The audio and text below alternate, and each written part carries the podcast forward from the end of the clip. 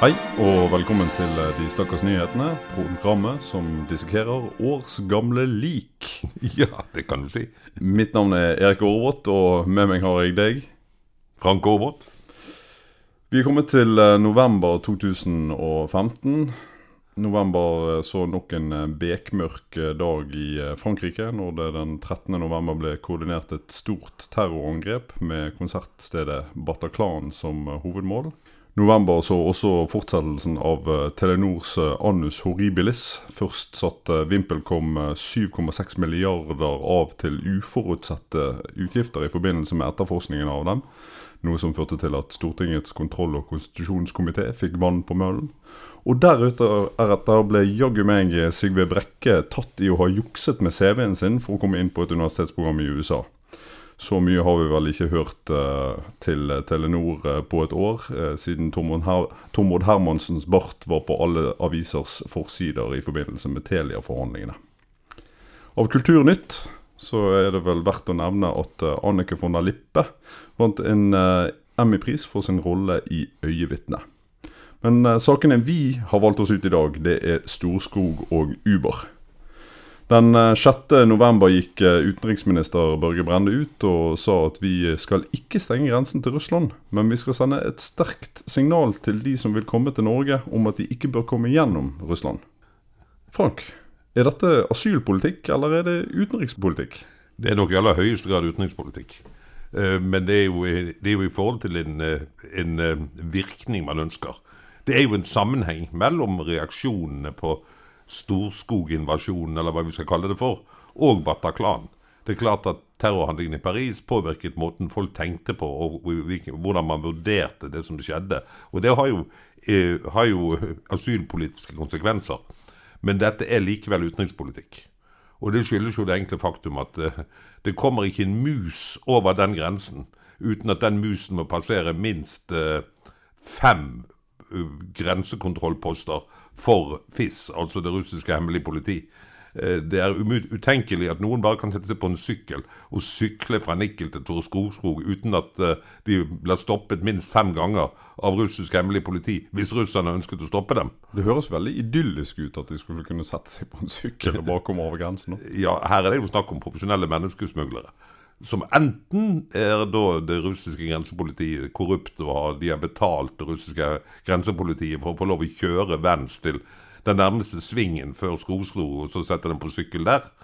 Eller det er, og det er kanskje mer sannsynlig, for jeg tror ikke egentlig det russiske hemmelige politiet er så veldig korrupt, eh, at det er Putin som ønsket å gi et signal til Norge om at eh, hvis dere fortsetter å boikotte oss og være så veldig hyggelige med amerikanerne og støtte amerikanerne i Ukraina og i Syria og alt det der, så kan det tenkes at vi plutselig opptrer som et fritt land i forhold til grensepassasjen, og lar folk komme fritt over. Dere kan jo ikke kritisere oss for å gi folk frihet. Ikke sant? Så russerne Jeg har en følelse av at Putin har valgt dette for å liksom fortelle Norge at eh, det er ikke gitt at vi skal passe på at flyktningene ikke kommer gjennom Russland til Norge. Det er opp til oss å bestemme. Er det i så fall en melding til USA eller en melding til Norge? Jeg tror egentlig det er en melding til Norge. Og det var jo også påfallende ved at det var nesten ingen flyktninger som kom til Finland. Men etter at, Norge hadde, etter at krisen var over i Norge, så kom jo det faktisk flere utlendinger til den finske grensen også. Russerne gjentok det samme i Finland, men eh, finnene laget ikke noe nummer av det. Hvem hadde rett strategi, Norge eller eh, Finland? Ja, det er ikke godt å si. Dette sentrale ordet er jo dette ordet signal. eh, som ligger i, som ligger i skjæringspunktet mellom flyktningepolitikk og eh, utenrikspolitikk. Hvis man nøkternt ser på flyktningepolitikken i forhold til de virkemidler som norske eh, innvandringsmyndigheter tar i bruk, så er det jo ikke slik at sannsynligheten for å ikke få innvilget eh, opphold i Norge er blitt så veldig mye mindre. Altså, man får opp, opphold i Norge omtrentlig med like stor sannsynlighet som før. Så innvandringspolitikken har jo egentlig ikke endret seg. Men det som har endret seg, er jo retorikken. Jeg pleier å si det sånn at eh, Man kan nesten si det sånn at Sylvia Lysthaus linje er en slags fortsettelse av um, Rolf Kirkvaag juniors 'Skremeren'. Vart du skremt nå? Ikke sant? Eh, For det er jo liksom det at man skal ha en veldig, veldig negativ retorikk. Og det så vi jo tydeligst i Danmark, eh, da liksom den danske innvandringsministeren gikk ut og sa at de skulle ta fra innvand- asylsøkerne gullsmykkene deres for å finansiere opphold i Danmark. Klinkende klart at Danmark aldri ville kunne gjøre det, og det er tvilsomt de hadde noe rettslig grunnlag for å gjøre det òg. Men det gikk jo da på nettet, ikke sant. Eh, Moderne asylanter har mobiltelefon har smarttelefon akkurat som oss. Og, og de spredde seg i miljøene, og, og de miljøene de trodde på det. Og Derfor kom det nesten ingen til Danmark, eh, i hvert fall ikke med gullsmykker. Eh, og det samme li linjen er jo det Listhaug og også her Brende gjennomfører. At det er veldig viktig å gi signaler om at vi er veldig tøffe. Vi altså tøffer oss, på en måte. Og, og det å tøffe seg ser ut til å virke. Ja, Hvis vi spoler eh, nesten et år eh, fram, så ja. blir jo Norge nevnt i en eh, artikkel eh, i eh, New York Times, mm. der eh, nettopp den strenge asylpolitikken blir, blir trukket fram som eh, noe Norge har greid å, eh, greid å få på plass. Og Dette blir da eh, et år etterpå i sosiale medier spredt både på høyresiden og på venstresiden, men med motsatt fortegn. Ja, det, paradoksale, det paradoksale er jo at asylpolitikken er ikke blitt strengere. Asylpolitikken er jo i prinsippet innenrikspolitikk. Det er jo spørsmål om sannsynligheten for å få, opp, for å få oppholds- og arbeidstillatelse når du er kommet inn over den norske grensen. Den er ikke vesentlig påvirket. Det som har skjedd, er nettopp disse signalene. Det er altså en gedigen bløff som da vi har greid å gjennomføre overfor disse fortvilte menneskene som da har mobiltelefon. Ja, hun snakker om mobiltelefon. Men signalene Brende snakker om, da snakker han jo i hovedsak om Putin, gjør han ikke det? Jo da. Og han regner vel også med at uh, han vil sende et signal til Putin. Vi- jeg vil jo faktisk mene at Putin i utgangspunktet ved å la folk komme over grensen, eh, sendte et kraftig signal til Brende. Hva er det som skjer med det eh, norsk-russiske forholdet nå? nå? De siste eh, ti årene har jo sett en stadig økende grad av eh, samarbeid mellom Norge og Russland. eh, kanskje ikke minst med, med avtalen i Barentshavet som eh, kom på plass etter eh, årtier med tvil og strid og uenigheter. Eh, hvorfor er Russland villig til å risikere det gode naboskapet i, med en sånn aksjon? Ja, det er jo selvfølgelig Russland er et stort land, et komplekst land, og det er mange forskjellige interesser ute og går i Russland. Men eh, Barentssamarbeidet, som du her sikter til, det er jo først som drevet av regionale myndigheter oppe i Murmansk-regionen, som har et tilsvarende veldig godt forhold til regionale myndigheter i Nord-Norge. Og tilsvarende det gamle samarbeidet vi har på Svalbard, som er en fundament for en ganske god tone mellom Russland og Norge i nærområdene. Det er i det øyeblikket Moskva og Oslo blander seg inn, at vi begynner å få problemer. For da er det liksom vår Nato-tilknytning og, og russernes politikk og det at Norge må være med på sanksjonene mot Russland, eh, som da blir gjennomført pga. handlinger som Russland gjør i helt andre deler av verden, som er ute og går. Og så er jo det litt morsomt at, syns jo jeg i hele Storskog-episoden, at Putin avslører jo litt det vestlige hykleriet. Hvorfor, ikke, hvorfor bruker dere ikke deres hemmelige politi til å stoppe folk fra å forlate Russland? Vi forlanger nå at russerne skal hindre flyktninger å komme over grensen fra Russland. Det er veldig forskjellig fra den retorikken vi hadde under den kalde krigen. Man kan, er det et menneskerettighetsbrudd at russerne ikke nekter folk å forlate landet sitt? Det kan man jo da kanskje stille spørsmålstegn ved. Og der er jo liksom noe av hykleriet som, som denne aksjonen fra russernes side, etter min mening, på en måte grundig avslørt. Og igjen spoler vi et år fram i, i tid, så eh, når vi da skriver november 2016, så ser vi jo ingen tilløp engang til eh, flyktninger eh, i, som kommer over grensen. Har forholdet stabilisert seg? Var det et varselskudd, dette? Det var nok et varselskudd, og russerne fant jo ut at de ønsket jo ikke å åpne en flyktningerute over Moskva og Murmansk. For før de visste ordet av det, ville jo Moskva-flyplassen vært stappfull av folk fra Midtøsten som hadde råd til en flybillett til Moskva. Og det er ikke så all, all verden. Så så videre med bil til Murmansk, liksom. Eller busstransport til Murmansk. Eh, de så jo for seg at de ville kunne komme nesten i en sånn østerriksk-tysk situasjon. Og det var jo ikke Russlands interesse. For eh, om vi snakker om eh, vestlig rasisme eller fremmedfrykt, så skal man ikke ha noen illusjoner om at russerne er, mindre, er mer tolerante enn vestlige land. De har tross alt vært utsatt for tsjetsjenske terrorhandlinger i årevis. Eh, og russerne er slett ikke tolerante overfor folk fra andre deler av verden. Så det er ikke populært blant russerne om Russland skulle bli, Russland skulle bli transittland for flyktninger. Det tror jeg heller også Putin har skjønt. Slik at uh, det var nok et midlertidig et varselskudd. Hva er det som er endgamet til, til Russland og Putin her? Hva, hva, er prøver, hva er tilstanden der de vil si at de er fornøyd?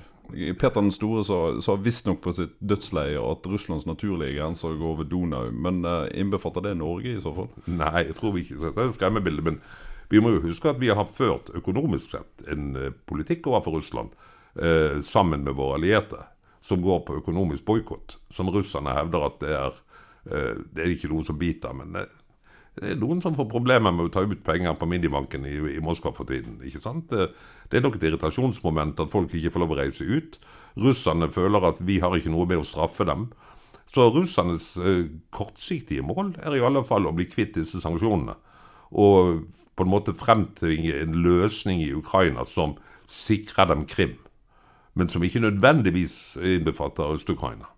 Jeg tror nok at russernes ønsker å få anerkjent den territorielle ekspansjonen inn mot Krim, men eh, ikke nødvendigvis ønsker å fortsette å destabilisere Ukraina. Kan Norge realistisk sett gå med på den typen uh, retorikk eller uh, legitimering av uh, territoriell ekspansjon, som det så fint heter? Norge er jo bundet til Nato-masten når det gjelder hva man kan gjøre eller ikke gjøre. Men poenget her er jo det at motkravet fra Russland har jo hele tiden vært å fjerne sanksjonene. Og det å fjerne sanksjoner Vi må også være klar over at Norge er et land som rammes av russiske motsanksjoner. Nettopp fordi at russisk fiskeimport er et ganske vesentlig, uh, et ganske vesentlig marked for norsk fisk. Og russerne har jo da valgt å sende såkalte veterinærinspektører inn på norske oppdrettsanlegg og finne ut at laksen vår er altfor dårlig til å sendes til Russland og sånne ting. Så de har jo da eh, laget, lagt vanskeligheter i veien andre veien også. Så hvis man blir kvitt et tilløpet til handelskrig, som da ligger i disse sanksjonsmekanismene, så det er klart at Norge er et av de landene som kanskje ville tjene mest på det. Nettopp pga. vår nærhet til Russland og russernes eh, ønske om å kjøpe fisk fra oss. Slik at uh, vi utenrikspolitisk er vel ikke så veldig begeistret for at det økte spenninger mellom Vesten og Russland. Men det, det, er enda viktigere for oss å vise at vi er en lojal medspiller i Nato.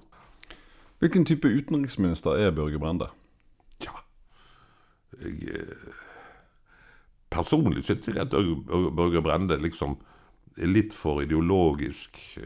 Han er litt for, har litt for lett for å gripe til, eh, etter min mening, floskler. Eh, vi skal lojalt eh, følge de sanksjonene som våre allierte gjennomfører mot Russland. Men vi skal ikke skrike høyt om at vi er med. Altså, Vi kunne godt ha en neddempet tone, selv om vi i praksis gjennomfører de sanksjonene som Nato vil at vi skal gjøre overfor Russland. Så ikke nødvendig å stå på takene og skrike det på internasjonale møter, sånn som Børge Brende til dels har gjort. Vi burde gjøre det stille og rolig, sånn som finnene gjør det. Vi har mye å lære av finnene når det gjelder hvordan man skal takle Russland. Og Med det avslutter vi eh, dette segmentet. Vi skal ta inn eh, vår første gjest. Denne gangen har vi snakket med Kristin Clemet, daglig leder eh, for tankesmien Civita.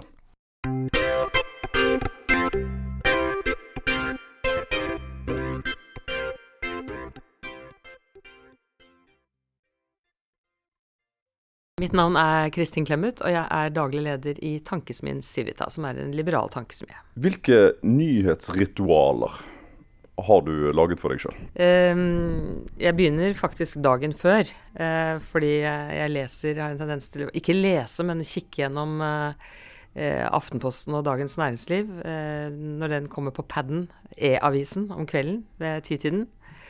og så har jeg nesten sluttet å lese papiraviser. Eh, jeg leser, foretrekker å lese e-aviser, altså se avisen sånn som den er live på papir. Så det gjør jeg, og da holder jeg med meg med et antall norske aviser da, som jeg ser, leser. Og så følger jeg um, ganske godt med i Danmark, og leser noe der fast. Og så er det litt mer sporadisk da utenlandske medier, eh, engelske og amerikanske. Så vil jeg si at i den grad jeg følger tyske medier, så er det fordi mannen min forteller meg hva han har lest i tyske medier, for han følger tyske medier. Og så hører jeg jo eh, visse radioprogrammer. Og jeg hører også litt på TV. Ser sjelden på TV, men hører enkle ting på TV. Hvorfor Danmark? Nei, Det er mer fordi vi er halvt eh, danske, holdt jeg på å si. Vi har veldig sterk tilknytning til Danmark i familien, så vi er mye i Danmark og har bakgrunn fra Danmark. Mannen min er opprinnelig dansk, og min familie på min side har bodd mye i Danmark. Og vi har også et hus i Danmark, så vi følger dansk politikk og dansk samfunnsliv ganske tett, da. Mm. Du skal sammenligne mediebildet i Norge med mediebildet i Danmark. da. Hva er likheter og forskjeller? Ja, Hvis man ser det i fugleperspektiv, så er det selvfølgelig veldig likt alt mulig i Norden. Men hvis man går litt nærmere efter, så er det klart at uh, Danmark har jo et helt annet sånn uh, avisbilde. Man kan si at det er større eh, forskjeller på det man kan kalle boulevardpressen og den seriøse pressen enn i, i Norge. Så i Danmark kan man lettere holde seg unna boulevardpressen, tabloidene. Eh, fordi at eh, ja, det er nokså useriøst. Her jo, holder jo Dagbladet VG en høyere kvalitet og er likere liksom andre, andre aviser. Og så vil jeg jo si at eh, de har jo tre daglige høykvalitetsaviser. Allmennkulturelle aviser med Politikken og Berlingske og Jyllandsposten. Uh, og i tillegg til det så to kvalitativt gode ukeaviser, hvor jeg leser den ene jevnlig, men Viken-avisen og Informasjon. Så det er et imponerende avismediebilde, syns jeg, i Danmark. Og uh, det er jo også mer spennende på den måten at de har en, en skarpere ideologisk profil. Eh, avisene. Altså Berlingske er tydelig borgerlig. Politikken er mer tydelig sosialdemokratisk. Eh, I Norge er det mye mer likt eh, over hele fjæra. Selv om eh, Bergens Tidende utmerker seg litt ved å være en liten mini-Jyllandsposten i, i, i Norge. Så det er et, eh, et imponerende avisbilde, syns jeg, i Danmark. Uh, når det da, gjelder uh, gjelder f.eks. TV, så syns jeg ikke de uh, utmerker seg ved å ha noe bedre tilbud enn Norge har. Uh, altså nå snakker jeg om det stoffet jeg er interessert i. Uh, på radio så må jeg si at jeg syns, syns det som er DR1, da, er, er ja, kanskje enda bedre, kvalitativt bedre enn det vi kaller eh, P2 her. Eh, eh, så ja, så det er Særlig på avissiden syns jeg det er ganske imponerende. Hvilket stoff er det du er primært interessert i? Nei, Jeg er jo kjedelig, så jeg er jo Det er jo ikke kjendiser, ikke noe særlig sånn underholdning. Det er jo ikke mm, sport. Så det er jo politikk og samfunnsliv. Så det, så det er klart det er mange sider i avisen jeg ikke behøver å lese, da. Um, er nok ikke en som greier å følge alt internasjonalt, så drives nok litt av begivenhetene der. Sånn at når det er amerikansk valgkamp, så er du veldig på det. Uh, når brexit skjer, så leser du alt om det. Uh, så jeg, jeg, er nok ikke sånn at jeg greier å følge det bildet hele, hele tiden, men, uh, men, drives litt av nyhetenes, altså nyhetenes gang. Hva er en god nyhet for deg? Hva er det som, en nyhet som får deg til å krible i uh, fingrene hos deg? Nei, altså, det er jo Jeg syns jo selvfølgelig, det har jeg sagt mange ganger, at det er litt sånn venstrevridd i pressen. Altså at man kommer for mye inn fra, fra venstre. Jeg har jo sagt, skrevet mange ganger at eh, jeg tror ikke det er noen sånn stor konspirasjon. Og jeg tror ikke det er med vond vilje eller sånn, men det er et eller annet i den kulturen og kanskje også i holdninger og meninger. Så jeg syns alltid det er veldig spennende når noen som er overraskende og kommer, kommer inn fra Høyre og liksom plutselig har en mening eller et spørsmål eh, som kommer fra en annen kant. Og det er Jeg mener det er såpass eh, sjelden at eh, du, du, legger liksom merke til det, da. Jeg tror det var noen som spredde en leder fra Bergens Tidende her i går, eh, hvor det var noen som stilte spørsmål om det ikke ble for mye politikk, at man hadde, eh, hadde for stor tro på politikken osv. Et sånn liberalt perspektiv på politikkens begrensninger og politikkens grenser. Og det ja, ja, da blir man litt glad, for det er litt sånn uh, annerledes. Selvfølgelig veldig tro på offentlige løsninger, veldig tro på penger og bevilgninger. Altså det er en veldig sånn rotfestet eller grunnfestet kultur der, da. Så jeg syns alltid, alltid, det er spennende når, når journalister greier å komme inn fra en annen kant. Du snakket uh, litt om dette med Altså når vi snakket om Danmark versus Norge. Ønsker du deg en, tilbake igjen til partipressen eh, som var tidligere? Nei, absolutt ikke. Det, men, men eh, jeg tror man må skille mellom det å være partifisert og det å på en måte ha en eller annen idé eller noen verdier eller tørre å forfekte litt eh, skarpe meninger, da. det som jeg syns at, det har blitt litt sånn avideologisert. Men nå vil jeg si at uh, Altså ikke bare avpartifisert, men avideologisert. Og jeg skrev en del om det for en del tilba tid tilbake, hvor jeg liksom karakteriserte nesten all norsk ja, de store avisene og sånt nå, som litt sånn eh, sentrum-venstre. Liksom i det, det området. Eh, likevel så vil jeg si at det er litt sånn endringer på gang, syns jeg. Eh, man syns man liksom i hvert fall ser at Aftenposten selv om mange mener at eh, Ja, det er mange delte meninger om det, men iallfall så er det forsøk på å innta noe skarpere meninger, da. Man kan diskutere hvilken profil de har, men det var lenge så, så hadde ikke Aftenposten noen meninger på lederplass, egentlig. Det var eh, men, men, nå er det litt skarpere meninger, og man ser på BT, som er en um, avis som står frem som en borgerlig-liberal avis. da, uh, Ganske tydelig. Det er veldig synd. Jeg lurte på det om det går an å bli Jyllandsposten uh, med utgangspunkt i Bergen, men jeg tror ikke det går. Det er, er, landet er for stort, altså geografisk. Uh, Jyllandsposten er jo, er jo, Danmarks største avis, så det er mulig da, å være i distriktene, for å si det sånn. De har jo selvfølgelig kontor i København, men allikevel. Å være en distriktsavis og blir den største avisen. Og så ser man jo f.eks. at en avis som Dagens Næringsliv er helt klar profil på leder- og kom kommentarplass. Det syns jeg er kjempefint. Problemet der er jo bare at det er en næringslivsavis. Det er ikke en allmennkulturell avis. Så det er jo det ha noen flere sånne allmenn kulturelle aviser som har litt tydeligere profil, det syns jeg gir liv til debatten. Kanskje litt fandenivoldsk, men uh, leser du Klassekampen? Absolutt. Veldig bra avis. Uh, så det er, og der, der, de tror jeg har gjennomført noen, uh, noen um, triks, for å bruke det, som jeg tror har vært veldig fornuftig. Altså, jeg husker en gang jeg leste et intervju med jeg tror det var Anne Knutsen, altså redaktøren i Vikenavisen, som sa var liksom hemmeligheten bak Vikenavisens suksess. For det er jo en kjempesuksess, en kjempegod avis. Og det er at de, de eh, overvurderer Hun sa det ikke sånn som jeg sier det, men jeg oppfatter De overvurderer ikke leserne sine i den forstand at de bare tar for gitt at de kan en hel masse ting som de ikke kan. Så de driver veldig mye opplysningsarbeid. Altså veldig pedagogisk eh, arbeid. Altså forteller oss hvordan tingene henger sammen på en veldig saklig og nyansert måte. Men samtidig så sa han at vi snakker aldri ned til leserne våre. Uh, og det merker man veldig godt. Man føler seg ikke snakket ned til.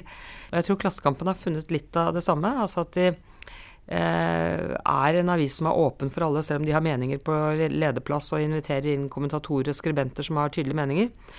Så er de åpne for alle. Og jeg syns det har vært veldig påfallende for oss her i Civita. Klassekampen har fulgt oss ganske tett i en del år. Uh, særlig inntil Agenda kom. Nå er de liksom litt på det sporet, for nå lurer de på hva som skal skje i valget i 2017. Men, men før 20, inntil 2013, da, og delvis fortsatt, så fulgte de oss veldig tett. Altså Vi hadde jo dager hvor vi, vi følte at vi hadde åtte sider i Klassekampen. det var litt sånn. Men det vi kan si, er at vi blir veldig skikkelig behandlet av dem.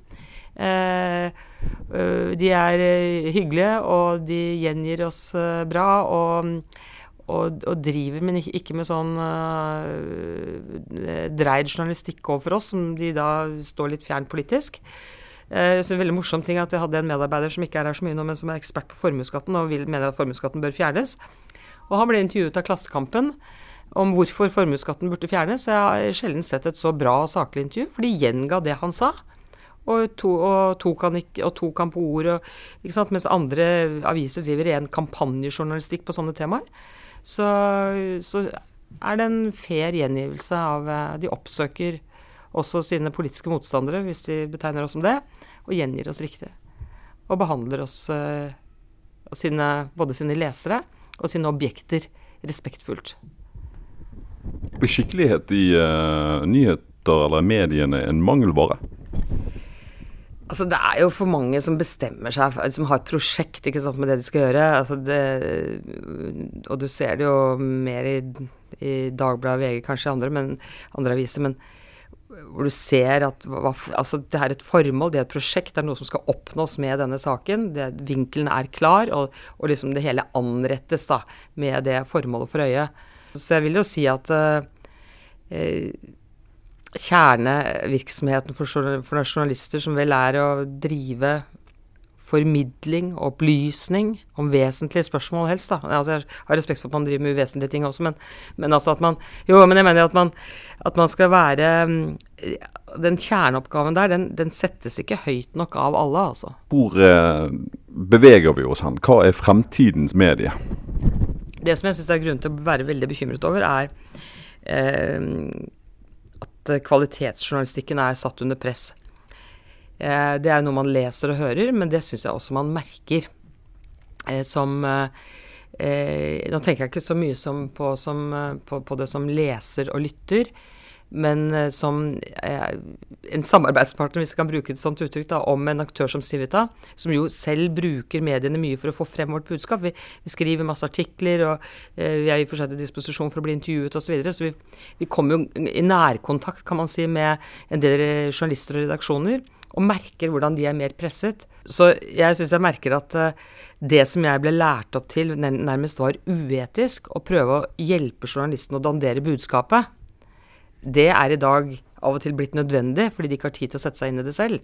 Uh, og så når det gjelder da plattformer og hva sånt, og det, det kommer sikkert til å være en vanvittig utvikling som uh, jeg ikke greier å beskrive, men det kommer vi til å venne oss til. ikke sant? Altså det, det, kommer til å gå greit. Akkurat som min mor, som hun hadde vel ikke tatt i en PC inntil for, for, tre år siden, og så fikk hun en pad til jul, og nå er hun liksom på alle, driver med alt og er på og behersker alt. Og sånn tror jeg det kommer til å være, at det kommer til å komme enormt mye nytt.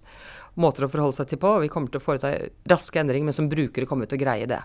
Altså jeg har sluttet med papiraviser på utrolig kort tid. Så det er jeg ikke bekymret for. Men jeg er bekymret for innmaten, altså innholdet. Altså hvor er det kvalitativt gode. Det er jo noe positivt ved det at de har dårlig råd og dårlig tid i mediene. Da. Det er jo at de slipper til oss andre. For det er jo billig. Så for noen år siden trodde jeg helt klart at debattsider og sånn skulle forsvinne i avisene. Det virket som det krympet og krympet. Eh, så var det akkurat som Knut Olav Åmås som plutselig tok en ny beslutning at vi skal åpne opp litt mer. Men det har jo kommet overalt. Altså muligheten til å skrive og uttale seg og snakke og utbreie seg for, vanlige folk er jo blitt enormt mye større. Eh, men dette har jo også med økonomi å gjøre, så tror jeg. da, altså At det rett og slett er billig å overlate noen sider til eh, andre enn en dem selv. I din uh, levetid, mm. hva er den mest skjellsettende nyhetsopplevelsen du har vært med på? Det må jo sikkert være som for veldig mange andre eh, 9-11. Altså da det, det hendte. Altså at vi var satt ringside og så at det skjedde. I hvert fall andre flyet. Eh, det, det, var en sjokkartet opplevelse. Og ja, antagelig mest dramatiske. Så er det andre nyheter som har kommet langsommere, som også er kjempedramatiske. Men som har kommet litt mer langsomt. Og det er sånn som murens fall, som selvfølgelig har enorm betydning. Men da, da er det ikke det sjokket på samme måte som det var i et sekund. Eh, med 9-11. Men så, kan det komme, så er det sånne andre som i sommer som jeg virkelig følte skjellsettende, selv om det absolutt var eh, forutsigbart at det kunne skje. Og det er jo brexit-avstemningen. Altså jeg på en måte hadde ikke ventet det.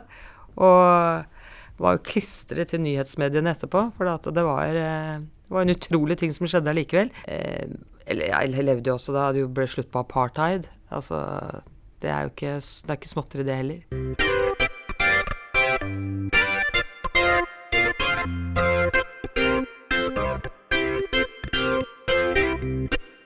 Takk til eh, Kristin Clemet. Den 11. november fikk vi en diskusjon mellom eh, LOs Trude Tindlund og Venstres Sveinung Rotevatn om det såkalte delingssamfunnet. Så, Frank. Hva er Uber? Er det løsarbeidersamfunnet, eller er det mulighetenes marked? Ja, det er i hvert fall ikke et problem som er skapt av Uber. Denne her fikseringen på apper og teknologi når man skal forklare den livsstilsendringen som skjer innenfor eh, arbeidsmarkedet, særlig for de unge. At eh, det er jo På den ene side så sier man det er så flott at unge blir gründere. Vi skal ha gründere. Eh, samtidig så har du da noen som mener at du skal være organisert og være arbeidstaker, sånn som, sånn som foreldre og besteforeldre har vært. Og det er jo liksom LOs posisjon. Og så har vi en høyreside som dyrker gründere. Men det er jo ikke en gründer om du etablerer et enmannsfirma for å, for å si nei takk til sosiale rettigheter uh, å være fri, men samtidig er du ikke med i noen pensjonskasse. Så kommer LO i problemer. For den ungdommen som da lever i denne Uber-sjåførlivsstilen Men de er jo slett ikke bare Uber-sjåfører. Det er all mulig slags konsulenttjenester, enmannsfirma, uh, håndverkere som, unge håndverkere som registrerer seg og er løsarbeidere med eget firma. ikke sant? Over hele linjen. så, så, er jo det slik at LO tradisjonelt har ment at man bør beskatte bedriftene og ikke lønnsmottakerne. Og disse, Det betyr da at LO blir fiendtlig til disse, disse, nye grupperingene og ser dem som problematiske. Eh, men hva skal du vente? Det er jo ikke teknologien som er årsaken til dette. Det som er årsaken til dette, er at vi i den vestlige verden har satset noe voldsomt på høyere utdanning. Folk har et høyere utdanningsnivå i de nye generasjonene vi noen gang har vært i før. Og samtidig har ikke våre økonomier vært i stand til å produsere de relevante jobbene i forhold til det utdanningsnivået vi har gitt folk. Så vi har gitt folk den selvtillit og troen på egne krefter som utdanningen nødvendigvis gir. Og når vi da ikke har interessante jobber, så går folk ut og skaper sine egne jobber. Det er Uber-fenomenet. Det har ikke noe med teknologi å gjøre. Det er liksom slik at um, Hvis du da er f.eks. en ung uh, person som har tatt en økonomiutdannelse, men så er det altså ikke jobb til at de kan få jobb som økonomikonsulent i en bedrift. Bedriften nøler med å ansette den typen skal vi si, byråkratiske funksjoner som økonomer representerer. Ja, da kan du prøve å etablere ditt eget regnskapsbyrå, eller du kan prøve å etablere i en hvilken som helst bedrift, inklusiv en transportbedrift, der du leier dine tjenester til Uber, om du vil. Altså, du, du, du, skaper en rekke mennesker som får ressurser nok til å kunne danne sin egen bedrift, og selvtillit nok til å danne sin egen bedrift. Og så lenge eh, den vestlige økonomien ikke er i stand til å produsere trygge arbeidstakerarbeidsplasser til disse menneskene, så må jo de leve av noe. Og da går de ut av deres egne bedrifter. Og da, da LO fortsetter å være den faste lønnsmottakerens beste venn, så er jo de i virkeligheten far og bestefars bestevenn. Mens veldig mange ungdommer i dag de lever som løsarbeidere. Ikke bare som Uber-sjåfører, men på alle mulige andre områder. Man lever fra hånd til munn og, kan, kan, og har en ekspertise i kraft av sin utdannelse. En, ganske stor selvtillit, faktisk. Ressurssterke mennesker. Men de, de, de, de, får jo ikke pensjonspoeng. Får ikke, de får ikke de sosiale rettighetene som tradisjonelt blir opparbeidet i et fast arbeidstakerforhold. Så disse unge menneskene får jo surprise, surprise når de blir 70. liksom, Aha, du er blitt minstepensjonist. Altså, Poenget mitt er at eh, det, LO kjemper en håpløs kamp mot, mot vindmøllene. Samtidig som høyresiden lever inn i en sånn falsk tro på at det er så jævla mye gründerbedrifter som blir skapt. Det er ikke gründerbedrifter som blir skapt, det er bedrifter der folk ikke kan gjøre noe annet enn å leve fra hånd til munn. Så vi er i ferd med å lage et slags uh, et slags uh, Uber-sjåførproletariat. Med veldig ressurssterke mennesker som kommer til å klare seg, men som altså på en måte kan falle utenfor velferdsstaten. Og det mener jo at både Arbeiderpartiet og LO burde ta meget alvorlig. Og så har vi det absurde, ikke sant, at vi har jo f.eks. nå tillatt å gi, gi gamle husmødre får jo nå pensjonspoeng for ikke å ha jobbet. Så de får jo, altså Folk som ikke har jobbet, har jobbet får nå pensjonspoeng. Mens altså folk som jobber, i enmannsbedrifter de skal ikke få pensjonspoeng. Det er jo, det er jo, ganske, det er jo ganske, merkverdig. Fordi at disse menneskene i enmannsbedriftene de betaler jo faktisk skatt. Så det burde jo være faktisk en selvfølge at man må tenke ut nye måter å gjøre det på. Det er jo ikke snakk om å Mange av disse menneskene vil være mer enn happy de å være lønnsmottaker hvis økonomien var i stand til å produsere relevante lønnsmottakerjobber til dem. Og det er jo der LO må begynne. Og kanskje burde de heller ta, satse på å skaffe liksom sosialistiske enmannsbedrifters forening eller noe sånt. Som de kunne innlemme i LO. Eller Arbeidsskaperes forening, eller hva de måtte kalle det for. Folk som er villige til å tenke solidarisk, selv om de ikke har et fast arbeidstakerforhold. Og her er jeg redd for at LO ikke skjønner hva som er i ferd med å skje med de vestlige økonomiene. Når vi har eksportert industriarbeidsplassene til Asia, så blir det ikke behov for byråkratiske funksjoner i bedriftene heller. Takk. Vi eh, skal da høre fra vår eh, andre gjest for dagen. og Vi har snakket med Geir Mo, administrerende direktør i Norsk Lastebileierforbund.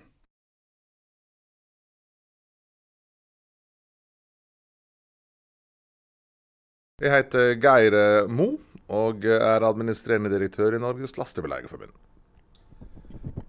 Hva er dine daglige medieritualer? det er å starte dagen med VG på nett, eh, Facebook og eh, Aftenposten, enten på nett eller papir. I tillegg til Politisk kvarter og Nyhetsmorgen på NRK. Den hverdagen vi er i nå, så kommer jo nyheter hele tida. På den ene sida så det, det blir jo litt sånn nostalgitenkning, kanskje, eller nostalgifølelser. For de av oss som etter, etter hvert begynner å bli middelaldrende menn, så husker vi jo hvordan det var. Uh, men det vi glemmer, er jo at uh, den tida som vi ser tilbake på, da var det ikke en nyhet før du hadde hørt det på Dagsrevyen klokka halv åtte om kvelden. Det var ikke en nyhet hvis ikke det sto i VG, og du måtte vente til liksom ett tidspunkt på døgnet. Da kom nyhetene. Men egentlig så er det jo bedre enn før. Men før føles bedre, skjønner du? Og Det er den der nostalgigreia om gamle dager som du egentlig slåss mot. I din uh, levetid, hva er den mest skjellsettende nyheten du har opplevd? Altså ikke nødvendigvis vært i, men, men på en måte tatt inn over deg? Uh, skal jeg si drapet på Olof Palme. Uh, og selvfølgelig uh, 2001, 9-11. helt åpenbart. Og 22. juli i Norge. Jeg tror det er, uh, Hvis du skal ta det fra hofta her og nå, så tror jeg du er rundt der, og sikkert et par-tre andre. Men, men, drapet på Olaf Palme, eh, det har liksom brent seg inn i meg. Jeg ble vekt på morgenen av mor min som kom opp og sa at du, de har skutt Olaf Palme. Og det var, og hvorfor det har gått så inn i hodet mitt, det vet jeg ikke. Men siden du spør, så er det der. Mm. Og det å sitte, og det å sitte på kontoret dagen etter valget i 2001 Jeg våkna på et, uh, på et hotellrom på Royal Christiania og skjønte at noe hadde skjedd. Uh, og opp på kontoret, og du sitter på kontoret da utover dagen uh, og, og, og, følger live det som foregår i, i New York. Og når tårna faller og flyene flyr inn og sånne ting. Det er også en helt vanvittig opplevelse. Og det å få, det å få SMS inn eh, 22.07. hjemme at det har vært en eksplosjon i Oslo. Jeg har en uh, bonussønn som er i ferd med å gå inn i området, men som snur fordi han har glemt noe på en butikk eh, i Lille Grensen. Hadde han ikke snudd, så hadde han vært eh, utafor Høyblokka når det smalt. Uh, og, og, var nede på en byggevareforretning. Reiser inn til, kjører inn til Oslo, inne, går inn på partikontoret og sjekker at uh, det ikke er folk der. Glasset er knust, store vinduer på hjørnet på, mellom Karl Johan og Arbeidergata. I DNB-filialen så var det da ligger knust. Du kjenner liksom lukta i byen. Uh, på Stortinget er det holdt på å si, veldig rolig, egentlig. Du ser to vakter uh, i kortermet hvit skjorte går rundt og leter etter bombe. Helt surrealistisk. Det tok et døgn fra Heimevernet var på plass.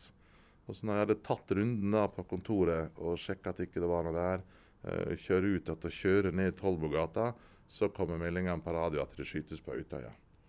Uh, altså Hele det der bildet der legges om kvelden til, til ti døde. Våkner på morgenen og ser meldinger på telefonen at det er snakk om 70-80-90 stykker.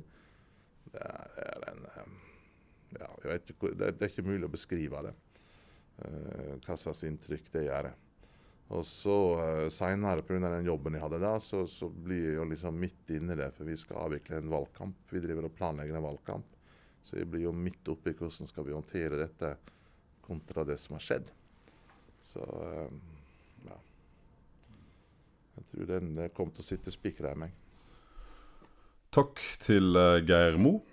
Da er det vanen tro på tide å sette hukommelsen din eh, på prøve, Frank. Hva var de store nyhetene i desember 2015? Det ble jul det året. Greit, da sier vi det, det, at det var den store nyheten. Da eh, gjenstår det bare å takke vår produsent Shifa Situ, og deg som har lyttet på. Takk. Bare hyggelig.